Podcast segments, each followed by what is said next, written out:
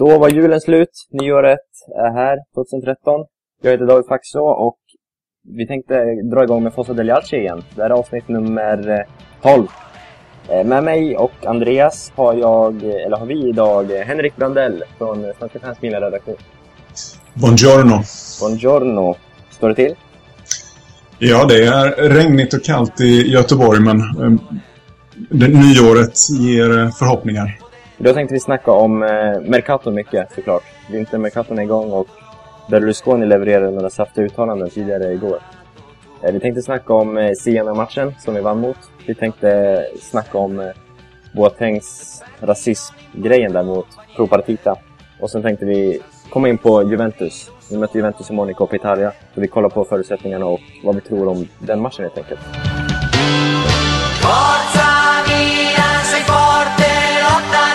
campione, Milan sei grande, gioca ogni pallone.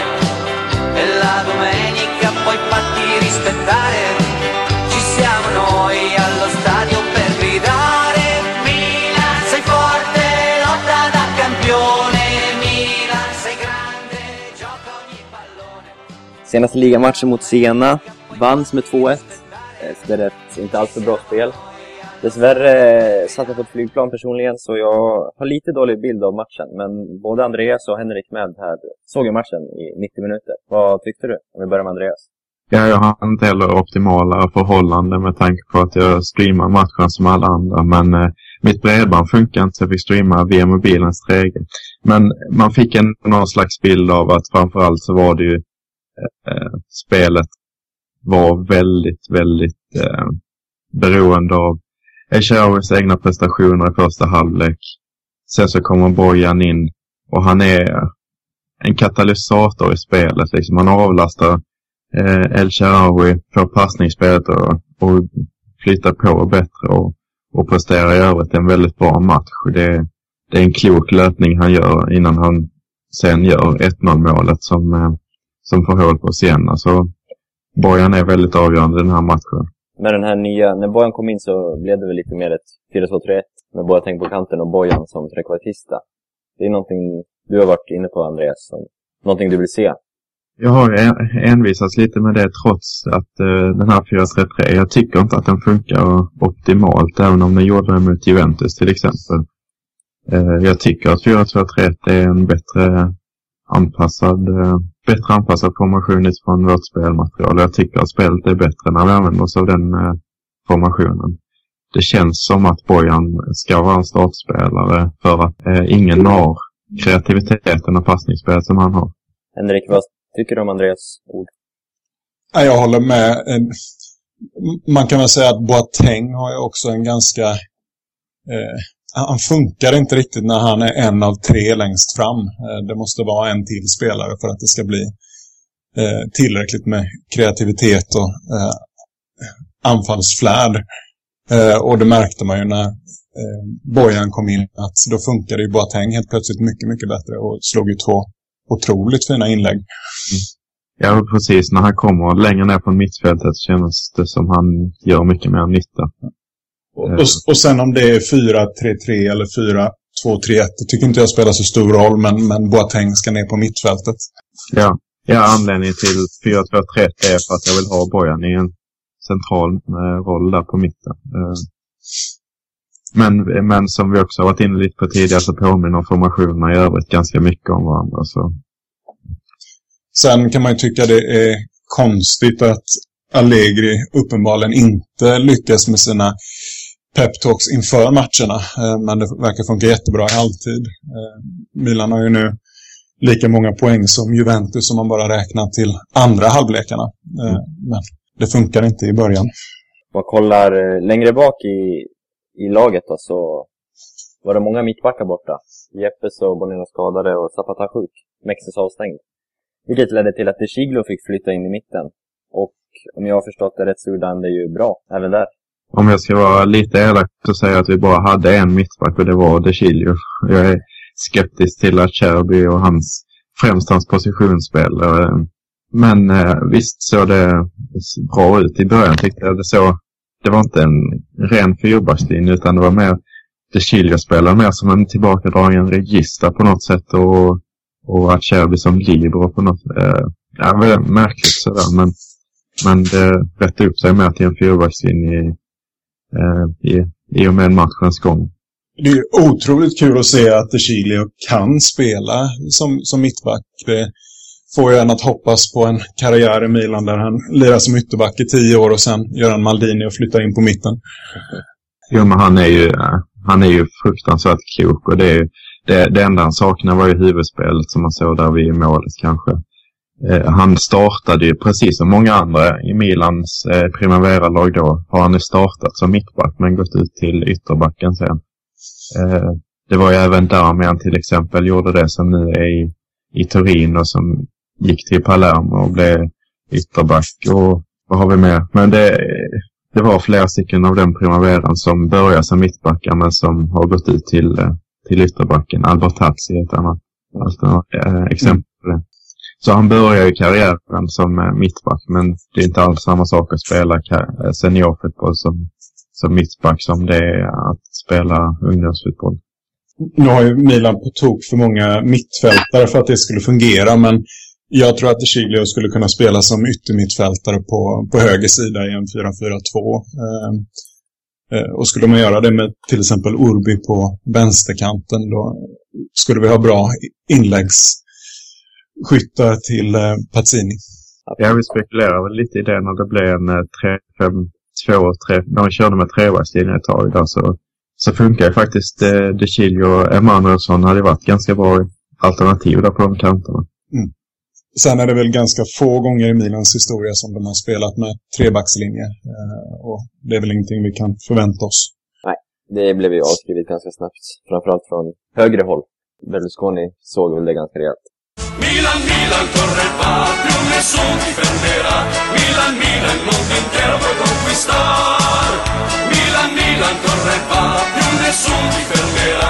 Milan, Milan, il mondo intero puoi conquistare. Och apropå Berlusconi så var han ju ute och snackade i media igår kväll. Och det var ju flera bomber han släppte, flera kontroversiella uttalanden. Han snackade om Balotelli, om ruttna äpplen, Allegri, Guardiola. Vad, eh, vad fick du mest häpnadsväckande, Andreas? Ja, det, det var ju en del grejer där, men jag tycker framförallt att det är... Jag förstår inte syftet med att totalsåga Balotelli som man gör gång på gång. Eh, och den här gången var det då att Balotelli liknades med en rutten frukt som infekterar resten av omklädningsrummet och laget. Eh, varför säger han det? Kan han inte bara säga att nej, han är inte aktuell för tillfället? Ponera att Balotelli, som är en milanista till exempel, skulle helt plötsligt börja skärpa sig i framtiden, kanske redan till sommaren eller något sånt där. Då blir det helt plötsligt svårt att värma honom när Balotelli har kommit med de här uttalandena. Jag tycker de är onödiga bara. Ja, det känns väl som att de har mer med det italienska valet att göra än vad som är bäst för Milan. Ja, jag är kluven där. Han sa även i samma intervju att han inte har något syfte att gå in i politiken. Så jag vet inte riktigt om, eh, hur hans planer ser ut där. Jag tror inte det kan vara någon liksom... Balotelli bråkade nyligen med Mancini och genom att Berlusconi uttalar sig så här så får ner priset på honom. Nej, jag vet inte. Jag vifta fritt nu. Jag har också spekulerat till att han tidigare har liksom eh, sagt att han inte varit, varit aktuell. Men just de här hårda sågningarna känns, eh, känns de för hårda helt enkelt för att man eh, får vara ett, för att vara i syfte att sänka priset. Sen ska man väl lyssna på vad Berlusconi gör och inte vad han säger eh, i huvudsak. Mm. Det gäller väl hela mina ledning, kan jag tycka. Eh, ja. Han uttalade sig också om, eh, som jag tyckte var otroligt intressant, om Guardiola. Att han försökt, han, jag kände att han hade kontaktat Guardiola. Och på frågan om Allegri kommer sitta kvar nästa säsong så svarar han väl dylikt Jag måste tala sanningen, så jag tänker inte svara på den frågan. Eller något sånt. Jag vet Andreas kanske har bättre koll på översättningen från italienska. Nej, men det var något i den stilen. Mm. Och så sa han ju även eh, att eh, man hade kontaktat Guardiola men han ville fortsätta på sitt sabbatsår.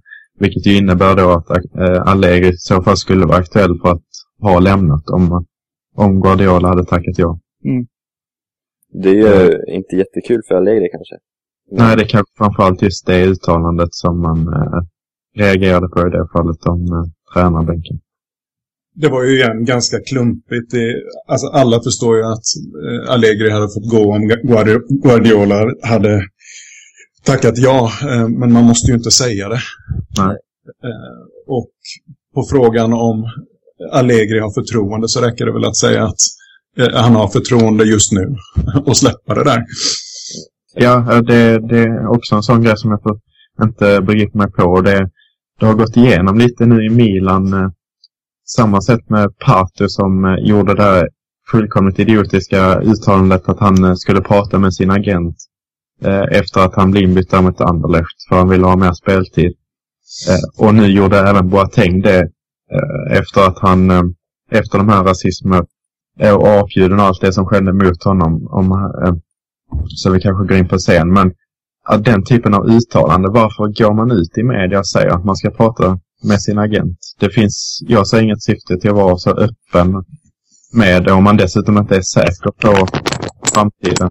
Man vinner ju ingenting på att säga att eh, jag kanske lämnar.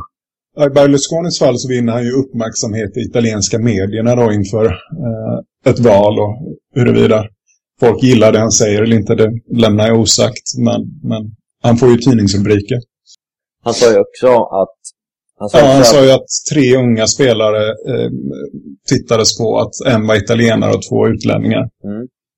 Det är ju otroligt intressant. Han sa ju också att Milan i framtiden skulle titta... Förut har han uttalat sig om att Milan letar efter spelare under 23. Nu var väl siffran nere på 21, tror jag. Det är intressant vad, vad han menar, vad han syftar på. Vilka han syftar på. Har ni några gissningar? Jag tycker framförallt det, det som, eh, som Henrik var inne på här, att, eh, att de tre spelarna, och framförallt så sa han att den italienaren spelar i eh, Italien för närvarande också. Mm. Eh, och det med tanke på eh, att en agent som heter Vigorelli var på besök på Via Turati igår. Och han är då representant för bland annat Abiati, Santon, Astori och eh, Destro till exempel. Mm. Eh, och, och, då kommer ju direkt de ryktena från etablerade källor att Abiati ska förlänga sitt kontrakt. Att eh, Destro, som Berlusconi har visat intresse för, är aktuell. Att Santon är aktuell och att Astor är aktuell kommer ju direkt.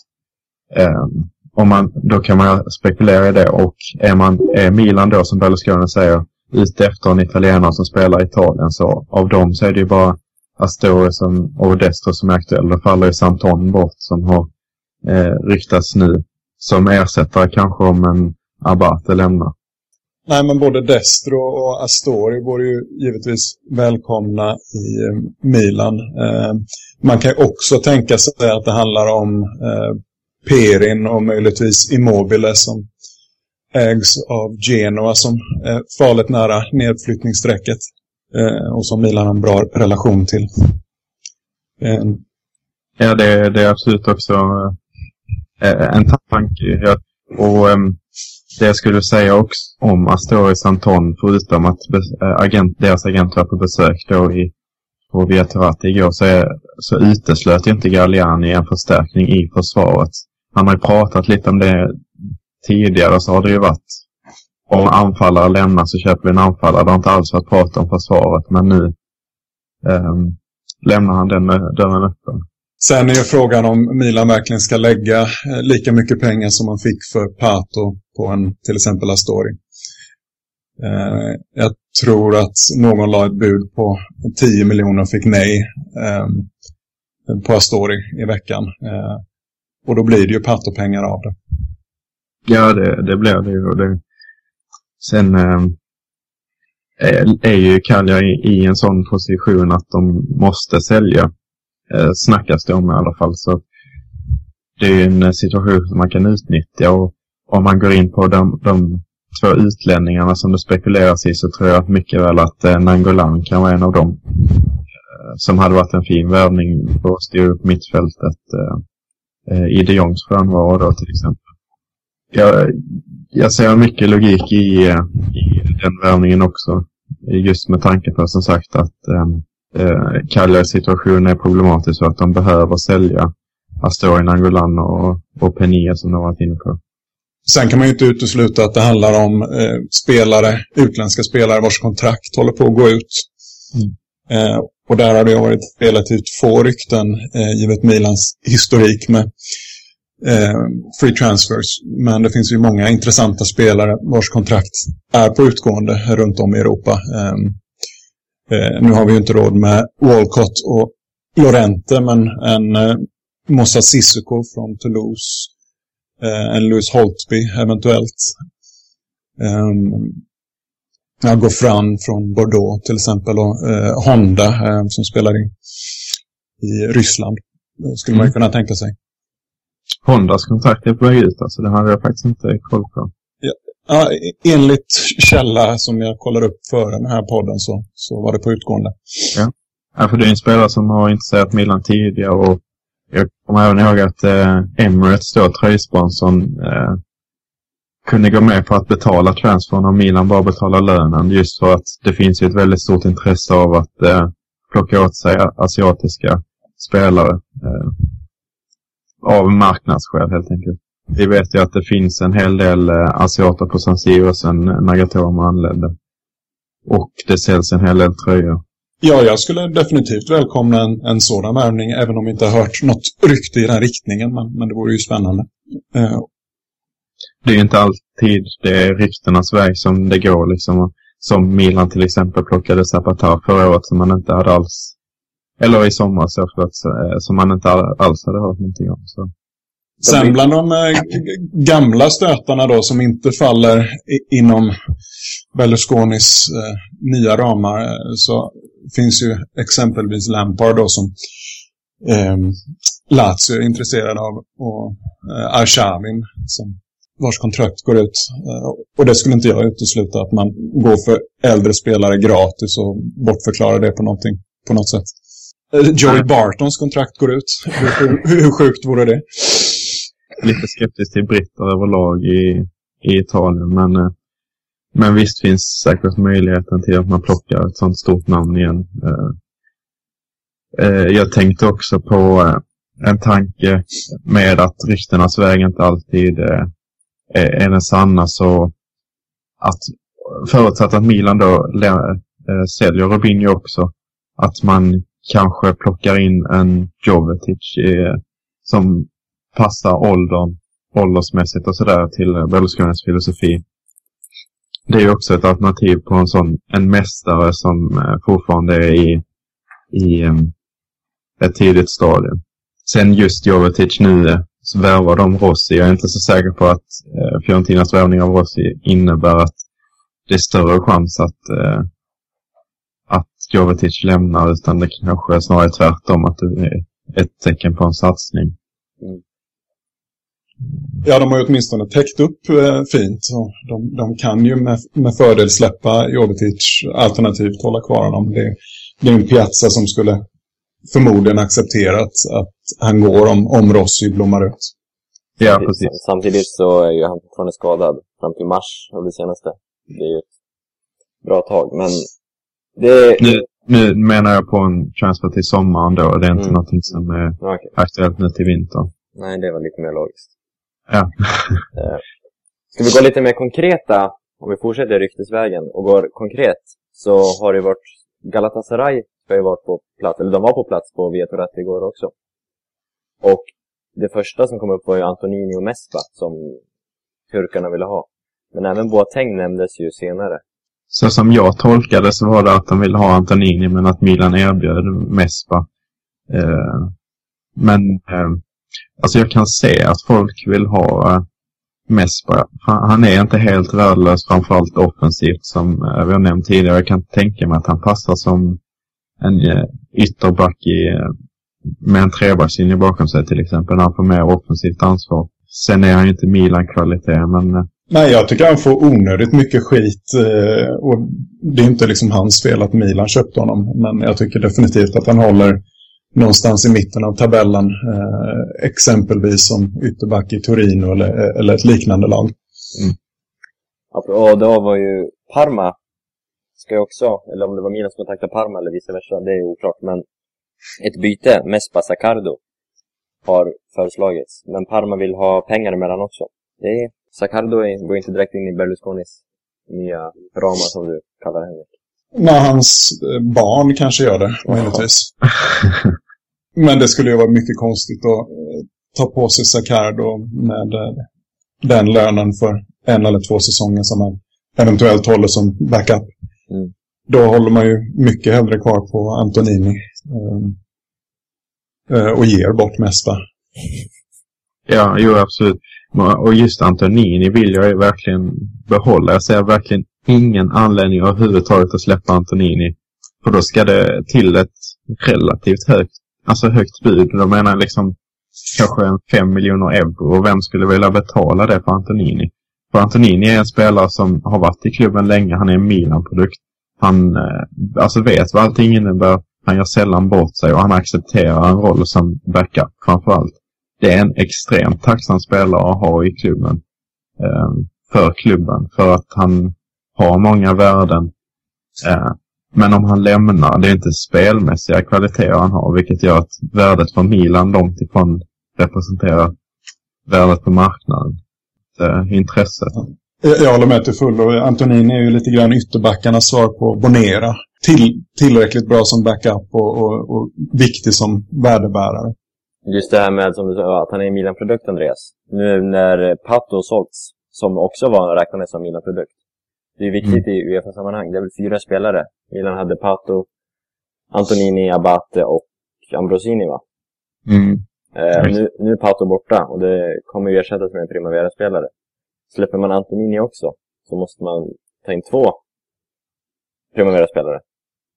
Men De Chiglio borde väl rimligtvis uh, räknas va? Ja, jo det är sant. Jag tror att De Chiglio om jag inte är helt, jag vågar inte lova detta, men om han inte räknas med i truppen för att han fortfarande är tillräckligt ung för att listas som B-spelare. Man får ha hur många ungdomsspelare som helst. Så frågan om inte De Chilio är listas där fortfarande. Men till, men till den större poängen om Milan har fyra spelare som skulle ja. kunna registreras så, så, måste ju han kunna räknas in och, eh, ja. åtminstone nästa säsong. Eh, och då försvinner ju rimligtvis Ambosini. Så då blir, blir det ju ett underskott. Mm. Ja, nu sa Ambrosin att han ska stanna en säsong till. Eller att han inte slutar efter säsongen. Men, han, men eh, det, är, det är såklart av stort värde att behålla sådana här spelare. Och det är därför jag är lite tveksam till att sälja Abate som det har ryktats som. Även om det är stor prislapp som inte alls presenterar hans värde som fotbollsspelare så är han ju talang. Och han är liksom en gammal eh, eh ultra liksom. Så det, det är lite det som tar emot när man säljer dem. Eh, och därför ser jag ingen anledning till att sälja Antonini som inte kommer erbjudas de pengarna. Eh, så jag säljer hellre Abate än Antonini. Ja, under förutsättning att pengarna återinvesteras. Ja. Eh, annars får man väl säga tvärtom. Milan, Milan, corre va, più nessun ti. Milan, Milan, mondo intero puoi conquistar. Milan, Milan, corre va, nessun ti fermerà Milan, Milan, mondo intero può conquistar Nu har vi mest kollat på ryktesvägen på potentiella free transfers. Men eh, vad tycker ni Milan verkligen behöver? Eh, sett till spelarmaterial och namn. Realistiskt, orealistiskt. Henrik, vad behöver eh, Milan förstärka någonstans? Ja, uppenbarligen en, en mittback. Eh, även om vi har tillräckligt många så har det ju läckt som ett såll eh, i år.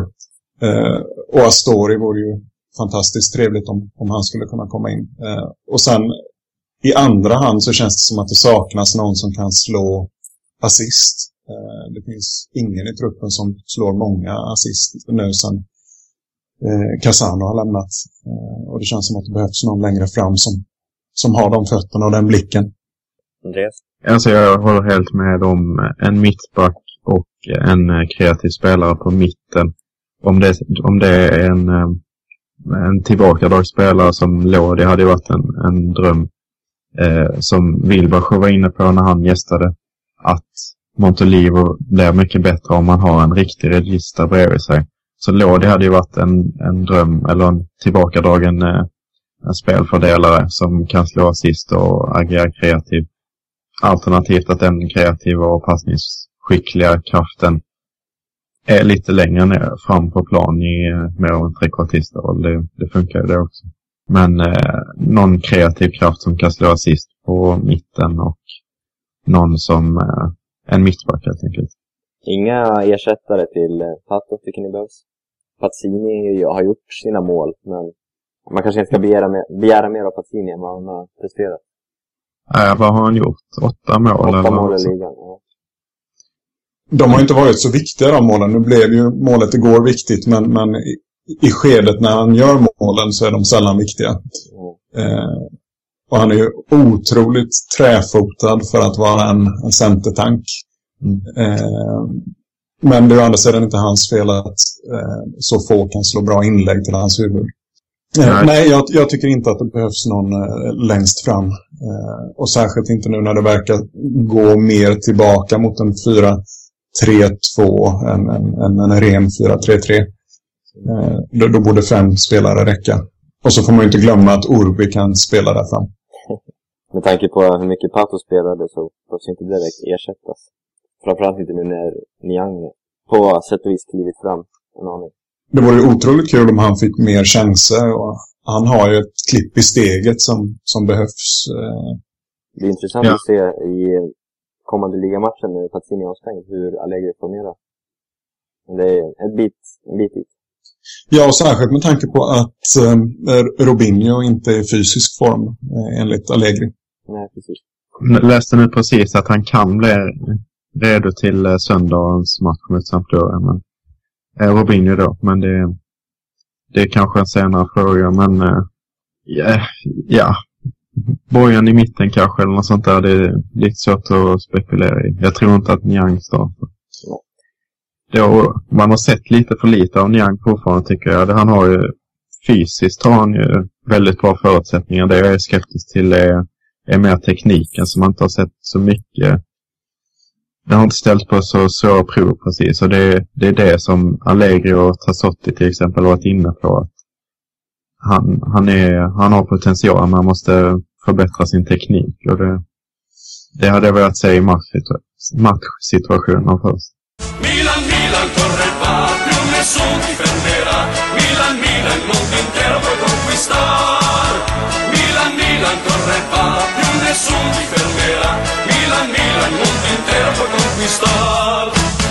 Eftersom vi har haft juluppehåll så har vi ju inte hunnit ta upp rasistskandalen får vi väl kalla det.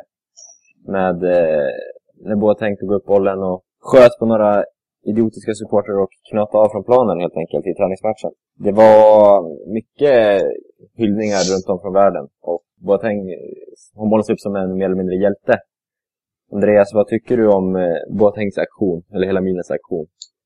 Min spontana reaktion är ju som de ser, då var inne på att det är, det är inte rätt sätt att göra det för att de som bollar ut ramsorna vinner ju på något sätt och alla de familjer som har betalt och sett fram emot att gå på matchen går ju miste om en match för att några förstör det helt enkelt. Men samtidigt så ser man på den reaktion som det har fått i världen när alla pratar om det. Man pratar om det i USA, man pratar om det överallt Eh, så får det, har det fått väldigt stort genomslag och det är ju positivt att debatten tas upp. Eh, så jag litar på att eh, det slutligen var en bra grej att göra. Sen är det ju inte lösningen att göra så här som Blatter är inne på till exempel, men det är, det är så tröttsamt att lyssna på Blatter till exempel. Precis som det var i Platini i EM när Balotelli sa att hör jag en rasistisk ramsa mot mig så går jag av planen. Och då sa hon, han att Platini sa då att är då, då får du gult kort av domaren och så vidare. Eh, och det är inte rätt lösning att spelare ska ta det i egna händer men samtidigt så händer det så väldigt lite på, på förbundsnivå och på och i Uefa och i Fifa. Att det, det är ju frustrerande såklart att det fortfarande förekommer i, i så stor grad som det gör. Ja, jag tyckte Milan och eh, både Milan och eh, Boateng och eh, Ambrosini som kapten gjorde rätt i första läget. Eh, traska av, ta med eh, resten av laget och sen gå ut och som klubb då säga att man stod bakom det hela. Det, det tyckte jag var rätt. Det var en träningsmatch. Man kan göra, göra den markeringen där.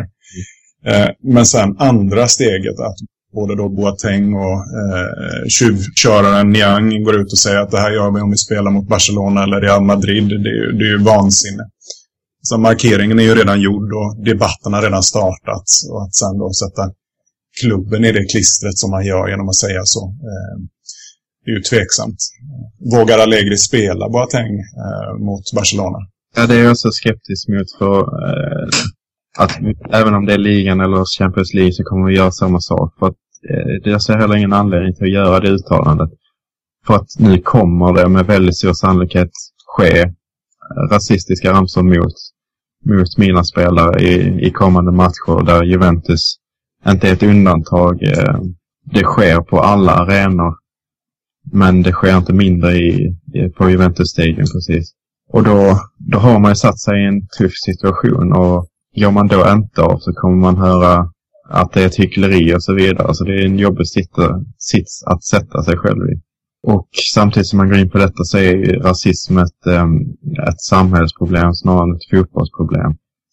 Men och fotbollen kan liksom inte, ska inte ställas till ansvar för att folk är rasistiska på och utanför fotbollsarenor. Samtidigt så ska man ju göra allt vad man kan för att förebygga och förhindra det.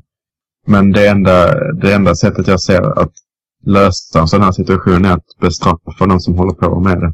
Inte att bestraffa klubbar eller sådär som bland annat Blatter är inne på att man ska ge poängavdrag och sådär. Utan jag ser med att straffa individerna som ligger bakom detta. Med tekniken som finns nu med kameror i varenda hörn och ja, framförallt kameror så ska det inte vara alltför svårt att kunna identifiera grupperna eller individerna som står för rasistiska ramsorna. För det är inte, det är, det är värt att poängtera att vanligtvis och framförallt på träningsmatcher nu, det var ett tiotal, femtontal som skrek rasistiska ramsor. Jag tror det är sex stycken som är anhållna nu.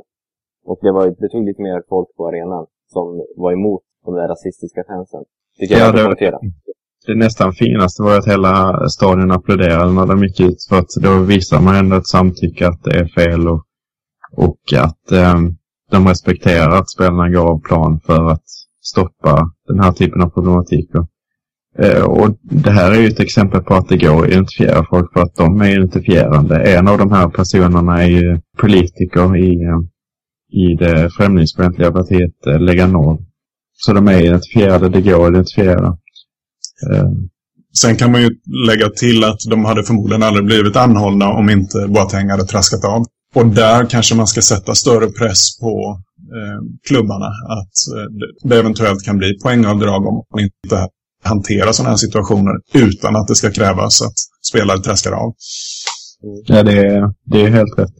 Håller jag med om. Och, och sen så är det inte ett problem som är, även om det är stort i Italien, så finns det ju även i England till exempel har det förekommit väldigt mycket på senare tid när man eh, när de filmar in supportrar som eh, gör apljud och eh, den typen av rörelser som Ja, i England finns det dessutom en eh, ganska allmän främlingsfientlighet mot utländska spelare. Även om det inte kommer ljud och ramsor så är de ju väldigt hårda i sin kritik av uh, utländska spelare. Suarez uh, exempelvis.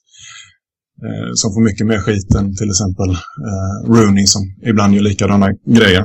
Ja, och det är alltså supportergrupperna som Chelsea Headhunters och så vidare. Det är inga, det är inga öppna människor i andra etniciteter. Precis. Så det, det finns ju mycket främlingsfientlighet i England också till exempel. Och då tänker jag på eh, Boatengs uttalande att han tycker det. Han ska prata om med agenten precis som Pater sa. Om det verkligen är värt att spela vidare i Italien för att, eh, för att det finns den här rasismen som har funnits tidigare. Det är inte det var inte på så sätt ett extrem exempel och då känns det snarare som att han utnyttjar situationen för att äh, nu tycker han att det är dags att lämna kanske. Milan har inte gått bra och så vidare. Så. Ja, jag är kluven till det. Om vi går mer fokus på matchen som vi var inne på. Juventus, Coppa Italia imorgon på onsdag. Där, det blir intressant att se om Boateng kliver av planen. För att det kommer förekomma rasistiska ramsor är väl nästan klart, skulle jag tro. Men eh, om vi kollar mer på förutsättningar. Så precis när vi spelade in det här så la Marquisio nyss upp en bild på sitt skadade knä och skrev eh, terapitid, eller rehabilitering. Så Marquisio är ute ur leken. Samtidigt har också Allegri förkunnat att Amela står imorgon, att Pazzini startar, med mera. Eh, tror ni Milan satsar på kuppen? Allegri har ju uttalat sig om det tidigare. Ja, det tror jag. Eh, sen är inte den eh, turneringen så viktig för Milan eh, historiskt och jag tror den inte är så viktig nu heller. Men, eh, och inte för mig privat, men däremot så vill man ju alltid slå ut Juve. Eh, jag skulle inte vilja vara den klubben som gör det möjligt för dem att eh, gå vidare mot en tionde koppa.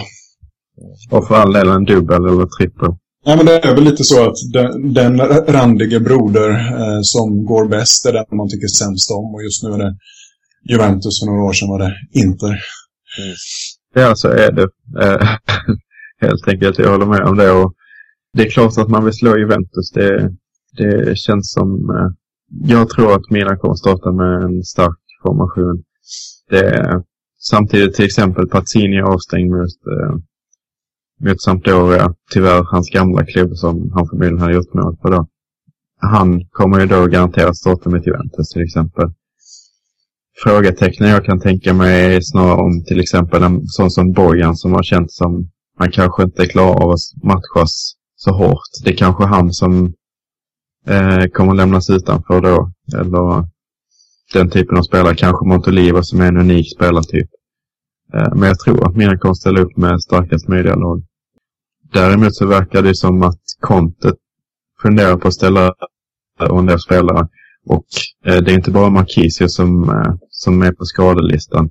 Jag har inte den här helt bekräftad, men det är någon som skrev till mig att Peppe, Chiellini, Marquisio, Bentner och Vucinic är skadade. Eh, vilket är en ovanligt lång eh, skadelista. Eh, och det är ju eh, framförallt kanske Chiellini, Marquisio och Vucinic som är tre väldigt centrala spelare. Så, så eh, det är en ovanligt lång eh, skadelista för att vara Juventus. Eh, och, eh, nu vilade väl i och för sig Vidal i, i, i förlustmatchen mot Sampdoria.